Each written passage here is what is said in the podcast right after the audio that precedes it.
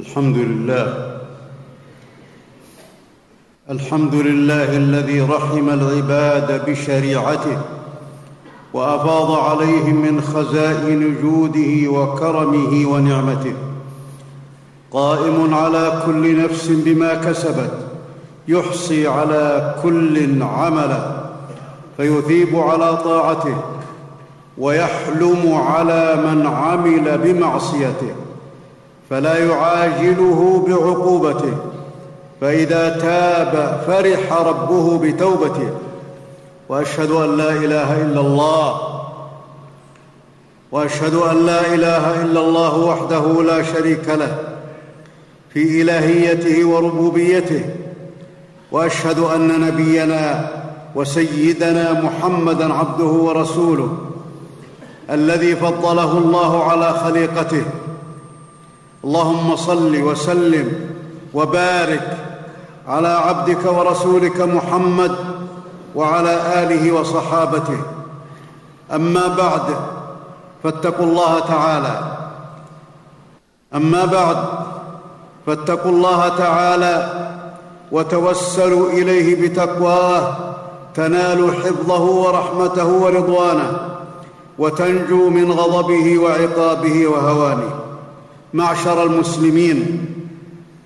معشر المسلمين. أذكركم برحمة الله تعالى التي بشر الله بها العباد في بداية كل سورة من القرآن بقوله سبحانه بسم الله الرحمن الرحيم.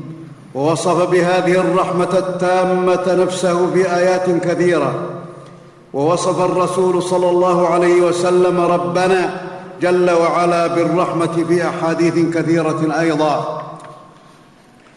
قال الله سبحانه ورحمتي وسعت كل شيء فسأكتبها للذين يتقون ويؤتون الزكاة. قال سبحانه ورحمتي وسعت كل شيء فسأكتبها للذين يتقون ويؤتون الزكاة والذين هم بآياتنا يؤمنون. وقال النبي صلى الله عليه وسلم إن الله كتب كتابا قبل وقال النبي صلى الله عليه وسلم إن الله كتب كتابا قبل أن يخلق الخلق. إن رحمتي سبقت غضبي فهو مكتوب عنده فوق العرش. رواه البخاري من حديث أبي هريرة.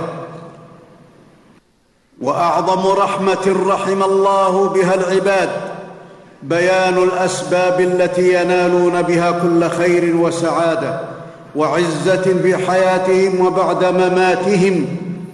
وهي الاستجابة للرب الرحيم ولرسوله الأمين عليه الصلاة والسلام.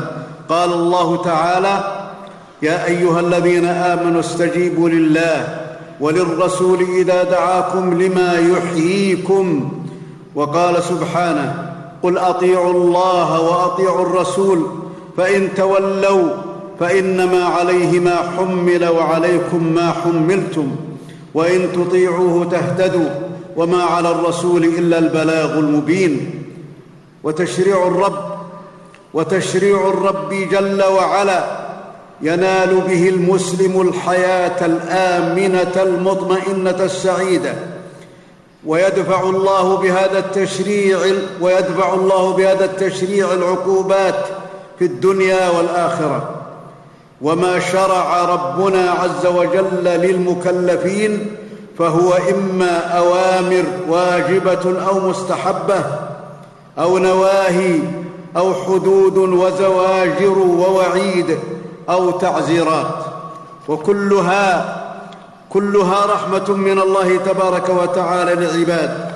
وخير وبركة ويسر وعدل.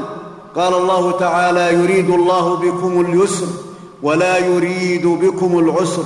وقال تعالى ونيسرك لليسرى وقال تعالى ما يريد الله ليجعل عليكم من حرج ولكن يريد ليطهركم. وليتم نعمته عليكم لعلكم تشكرون. وقال تعالى إن الله يأمر بالعدل والإحسان فشريعة الله فشريعة الله تحقق للإنسان الحياة الطيبة في دنياه ويحيا في آخرته في جنات النعيم. ويدفع الله ويدفع الله بالعقوبات الشرعية وبالحدود ويدفع الله بالعقوبات الشرعية وبالحدود العقوبات القدرية الكونية. فإذا أقام الناس أحكام الشرع دفع الله عنهم عقوبات الذنوب وصرف عنهم الكوارث والمهلكات في الدنيا وعافاهم من عذاب الآخرة. وإذا فرط الناس في أحكام الشرع عوقب المفرطون بعقاب القدر الذي جعل الله في عقوبته جزاء وحسابا لكل معصية. قال الله تعالى ليس بأمانيكم ولا أماني أهل الكتاب. من يعمل سوءا يجز به ولا يجد له من دون الله وليا ولا نصيرا. وعقوبات القدر وعقوبات القدر على الذنوب شديدة أليمة. قال الله تعالى وكذلك أخذ ربك إذا أخذ القرى وهي ظالمة. إن أخذه أليم شديد. وفي الحديث إن الله ليملي للظالم حتى إذا أخذه لم يفلته. رواه البخاري ومسلم من حديث أبي موسى رضي الله عنه. وقال تعالى إن بطش ربك لشديد. وقال سبحانه قل هو القادر على أن يبعث عليكم عذابا من فوقكم أو من تحت أرجلكم أو يلبسكم شيعا ويذيق بعضكم بأس بعض. انظر كيف نصرف انظر كيف نصرف الآيات لعلهم يفقهون. ومن رحمة الله ومن رحمة الله تعالى بالعباد. أنه سبحانه لا يعاجل الظالمين بالعقوبة بل يمهلهم إلى أجل. قال الله تعالى وربك الغفور ذو الرحمة. لو يؤاخذهم بما كسبوا لعجل لهم العذاب بل لهم موعد لن يجدوا من دونه موئلا.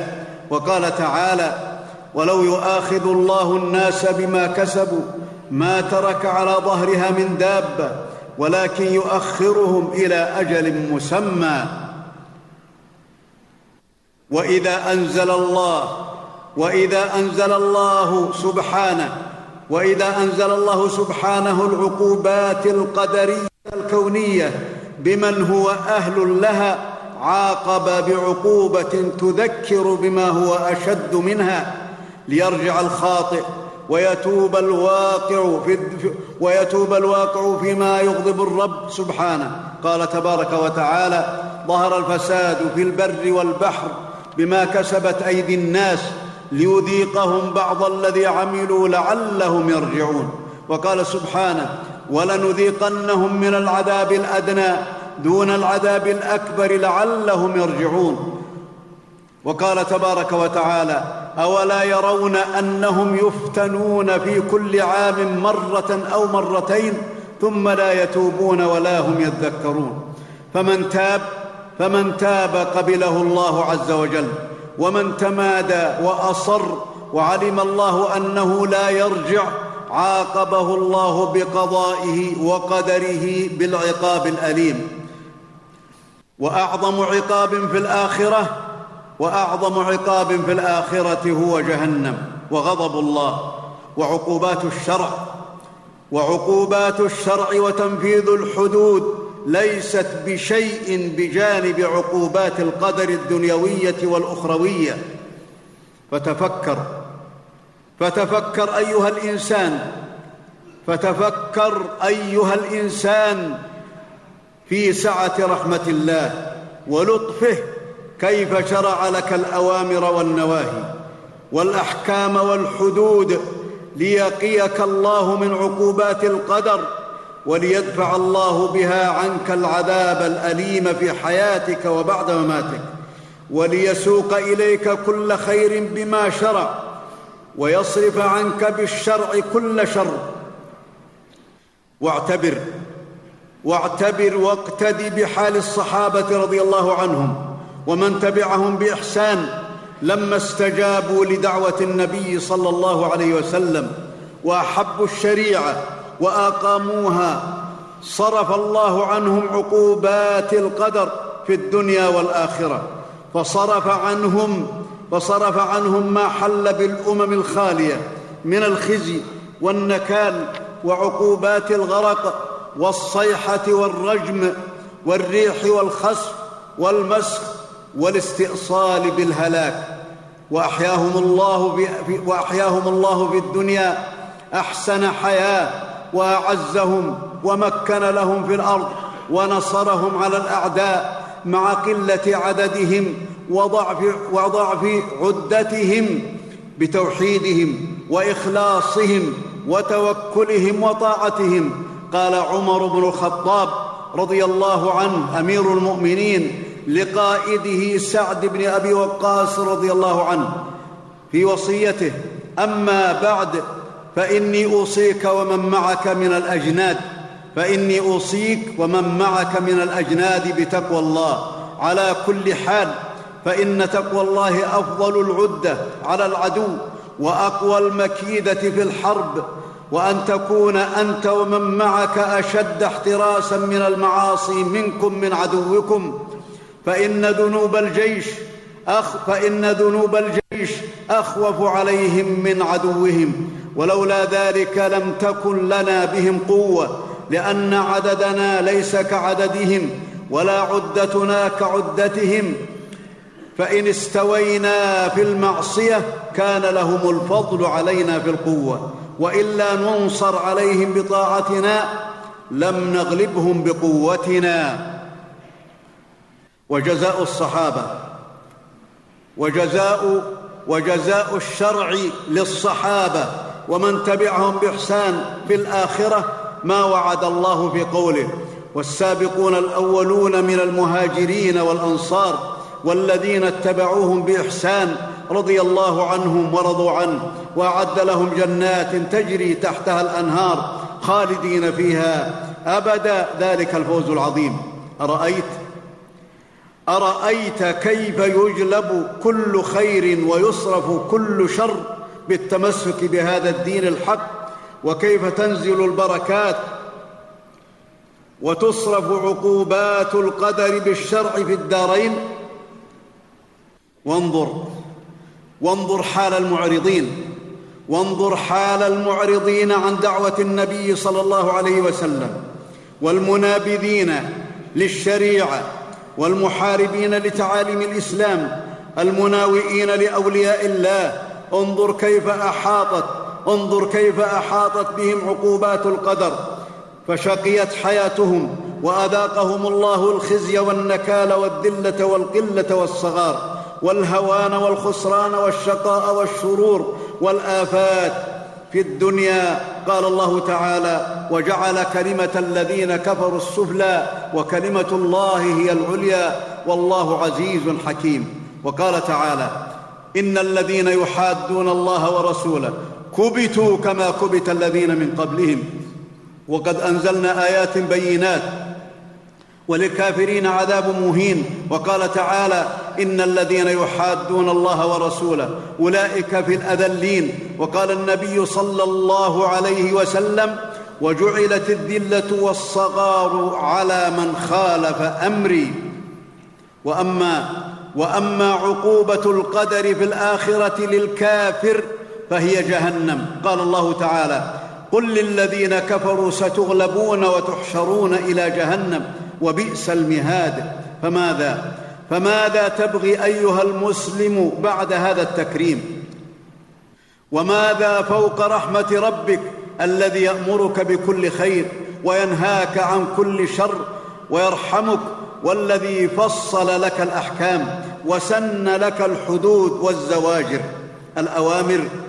الأوامر إعداد لكمال الإنسان وزكاة وطهارة للبدن وإمداد للروح وقوة لإرادة الخير وتربية متكاملة لبناء كل خلق نبيل وثبات للقلوب وتكريم للإنسان.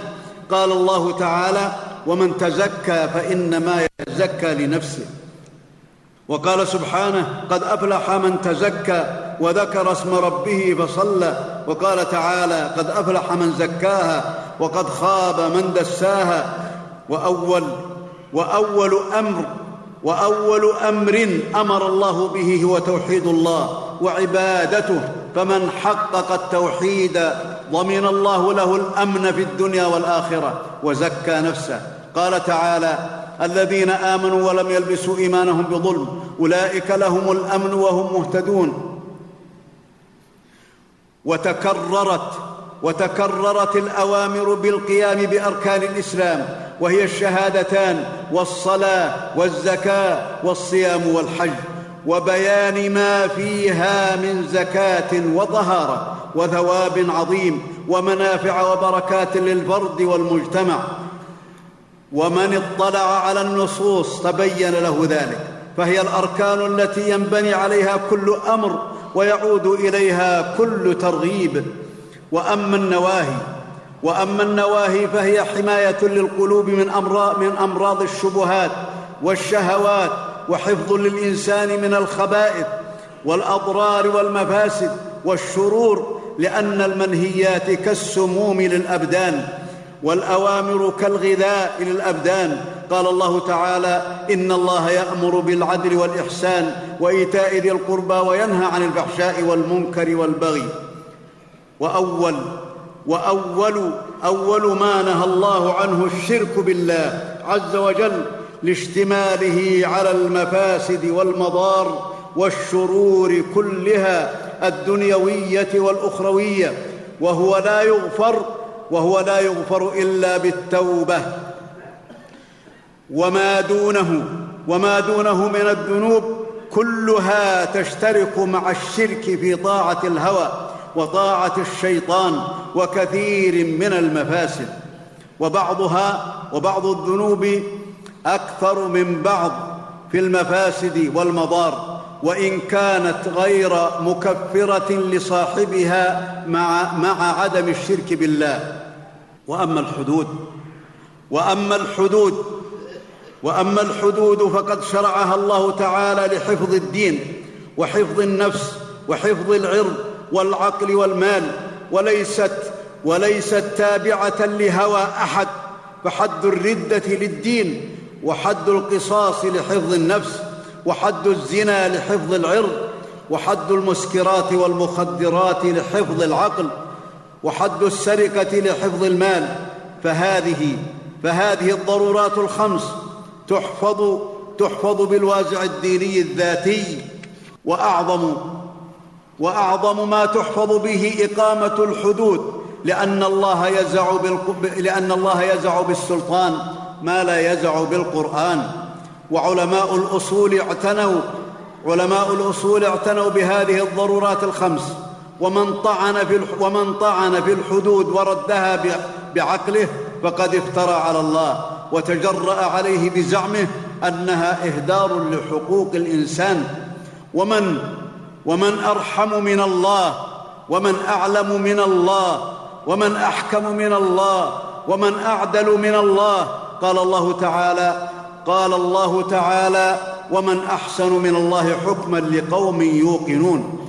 والحدود والحدود زواجر عن فعل ما يوجب الحد وكفارة للذنب وحماية للحياة من العبث والعدوان. وفي الحديث إقامة حد في الأرض خير لأهلها من أن يمطروا أربعين صباحا.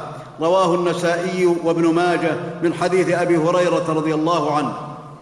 والحد والحد كفارة للمسلم لقول النبي صلى الله عليه وسلم في الأسلمي الذي رجمه والذي نفسي بيده إنه الآن لفي أنهار الجنة ينغمس فيها. رواه أبو داود.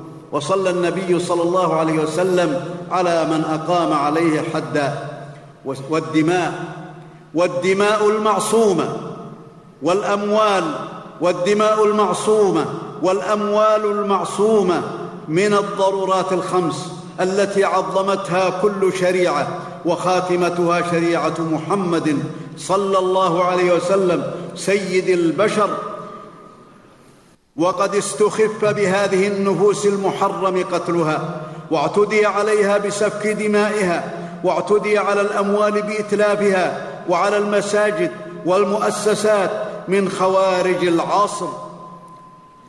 والإرهاب والإرهاب من فتن هذا الزمان المدمرة. قام به بعض غير المسلمين وبعض المنتسبين إلى الإسلام والإسلام بريء من عدوانهم وظلمهم وإجرامهم. فأصبح الإرهاب فأصبح الإرهاب مكروها وشرا على الناس وتضرر منه الناس في أماكن كثيرة وأكثر البلدان تضررا منه دولة الحرمين. وانشاء وانشاء هذا الحلف الإسلامي العسكري بقيادة دولة الحرمين لصد الإرهاب عن الناس واستبشر الناس. واستبشر الناس خيرا بهذا الحلف الإسلامي ورأوا بوادر ثماره. ومن حق الدول الإسلامية المتحالفة حماية مجتمعاتها وتحصين شبابها والحفاظ على عقيدتهم من الانحراف ورعاية مصالحها وترسيخ الأمن والاستقرار ودراسة السبل التي تعود بكل خير ونفع للعباد والبلاد.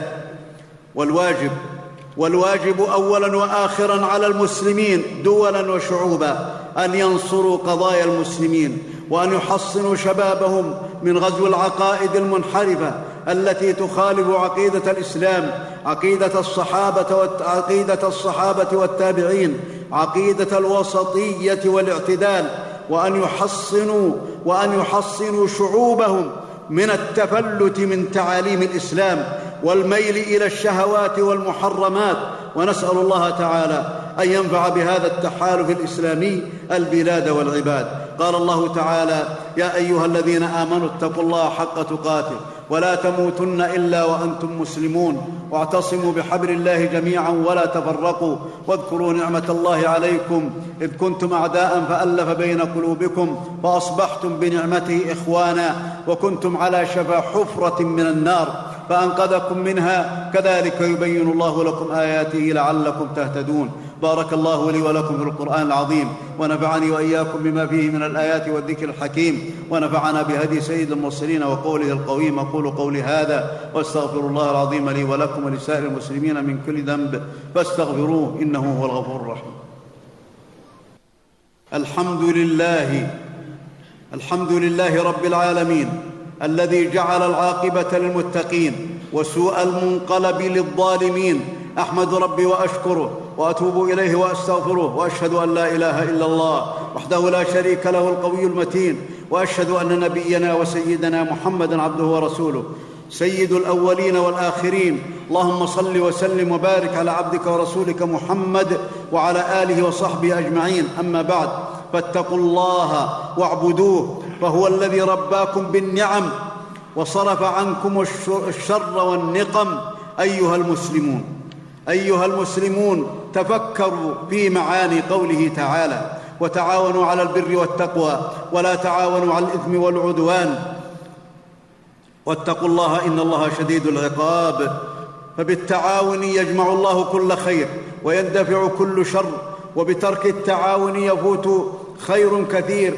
ويقع شر كثير معشر الشباب معشر الشباب أقبلوا على العلم النافع والعمل الصالح واجتهدوا لإصلاح دنياكم وآخر لإصلاح دنياكم وآخرتكم بأنواع العلوم وبالعمل النافع المفيد. واحذروا واحذروا مزالق الإرهاب ومسلك الخوارج. وإذا دعيت إلى ذلك فانظر إلى حال دعاتهم. في سيرتهم. تعلم تعلم بأنهم أصحاب دنيا وفتنة. انظر إلى حال دعاتهم في سيرتهم. تعلم بأنهم أصحاب دنيا وفتنة وأن هرمهم وأن هرمهم ووسائطهم إليك مجهولون. يريدون كل شر بالأمة. يريدون منك زعزعة الأمن. يريدون منك أن تحارب. يريدون منك أن تحارب مجتمعك وأن تحارب الأمن وأن تحارب رجال الأمن. يريدون منك أن تحارب رجال الأمن بالسلاح الذين هم في خدمة الأمة. يريدون أن يخطفوك يريدون أن يخطفوك من أحضان والديك وأن يلبسوك ثوب الخوف والهلاك والذل والتشريد. عباد الله إن الله وملائكته يصلون على النبي. يا أيها الذين آمنوا صلوا عليه وسلموا تسليما. وقد قال صلى الله عليه وسلم من صلى علي صلاة واحدة صلى الله عليه بها عشرا. فصلوا وسلموا على سيد الأولين والآخرين وإمام المرسلين. اللهم صل على محمد وعلى آل محمد كما صليت على إبراهيم وعلى آل إبراهيم. إنك حميد مجيد. اللهم بارك على محمد وعلى آل محمد كما باركت على إبراهيم وعلى آل إبراهيم إنك حميد مجيد. وسلم تسليما كثيرا. اللهم وارض عن الصحابة أجمعين. اللهم وارض عن الخلفاء الراشدين الأئمة المهديين الذين قضوا بالحق وبه كانوا يعدلون. أبي بكر وعمر وعثمان وعلي وعن سائر الصحابة أجمعين. وعن التابعين ومن تبعهم بإحسان إلى يوم الدين. اللهم وارض عنا معهم بمنك وكرمك ورحمتك يا أرحم الراحمين. اللهم أعز الإسلام والمسلمين. اللهم أعز الإسلام والمسلمين. اللهم أعز الإسلام والمسلمين. وأذل الكفر والكافرين يا رب العالمين والمنافقين. إنك على كل شيء قدير. اللهم إنا نسألك أن اللهم إنا نسألك أن تخذل البدع كلها يا رب العالمين. اللهم أمت البدع التي تضاد دينك الذي أرسلته الذي رحمت به العالمين يا رب العالمين. اللهم إنا نسألك أن تنصر دينك وكتابه وسنة نبيك يا قوي يا عزيز يا رب العالمين. اللهم أغثنا يا أرحم الراحمين. اللهم أغثنا يا أرحم الراحمين. اللهم أغثنا يا أرحم الراحمين. اللهم أغثنا غيثا مغيثا هنيئا مريئا. اللهم اغثنا وارحمنا رحمة وأنزل علينا الغيث ولا تجعلنا من القانطين. اللهم سقيا رحمة لا سقيا عذاب ولا هدم ولا بلاء ولا غرق يا أرحم الراحمين. اللهم اغفر للمسلمين والمسلمات والمؤمنين والمؤمنات الأحياء منهم والأموات. اللهم اغفر لموتانا وموتى المسلمين برحمتك يا أرحم الراحمين. اللهم اعذنا من شرور أنفسنا اللهم اعذنا من شرور انفسنا ومن سيئات اعمالنا. اللهم اعذنا واعذ ذرياتنا من ابليس وشياطينه وجنوده. يا رب العالمين وشركه. يا ذا الجلال والإكرام. اللهم اعذ المسلمين من الشيطان الرجيم وذريته وشركه. إنك على كل شيء قدير. اللهم اعذنا من شر كل ذي شر برحمتك يا أرحم الراحمين. اللهم عافنا اللهم إنا نسألك العافية في ديننا اللهم عافنا في ديننا وعافنا في دنيانا يا أرحم الراحمين. اللهم أعذنا والمسلمين من مضلات الفتن اللهم أعذنا وذرياتنا والمسلمين من مضلات الفتن. ما ظهر منها وما بطن برحمتك يا أرحم الراحمين. اللهم لا تكلنا إلى أنفسنا طرفة عين وأصلح لنا شأننا كله. اللهم أصلح لنا شأننا كله وأصلح لنا ديننا ودنيانا برحمتك يا أرحم الراحمين. اللهم احسن عاقبتنا في الأمور كلها واجرنا من خزي الدنيا وعذاب الاخره يا ذا الجلال والاكرام وثبتنا وأثبتنا بالقول الثابت في الحياة الدنيا وفي الآخرة. اللهم آمنا في دورنا وأصلح اللهم ولاة أمورنا. اللهم وفق ولي أمرنا خادم الحرمين الشريفين لما تحب وترضى. اللهم وفقه لهداك واجعل عمله في رضاك. اللهم انصر به دينك وعلي به كلمتك يا رب العالمين. اللهم وارزقه الصحة والعافية يا رب العالمين. اللهم وفقه للعمل اللهم وفقه للرأي السديد والعمل الرشيد. يا ذا الجلال والإكرام. اللهم وفق نائبيه لما تحب وترضى ولما فيه الخير للمسلمين. يا رب العالمين إنك على كل شيء قدير. ربنا ربنا اغفر لنا ما قدمنا وما أخرنا وما أسررنا وما أعلنا وما أنت أعلم به منا. أنت المقدم وأنت المؤخر. لا إله إلا أنت. ربنا آتنا في الدنيا حسنة وفي الآخرة حسنة وقنا عذاب النار عباد الله. إن الله يأمر بالعدل والإحسان وإيتاء ذي القربى وينهى عن الفحشاء والمنكر والبغي يعظكم لعلكم تذكرون. وأوفوا بعهد الله إذا عاهدتم ولا تنقضوا الأيمان بعد توكيدها وقد جعلتم الله عليكم كفيلا. إن الله يعلم ما تفعلون.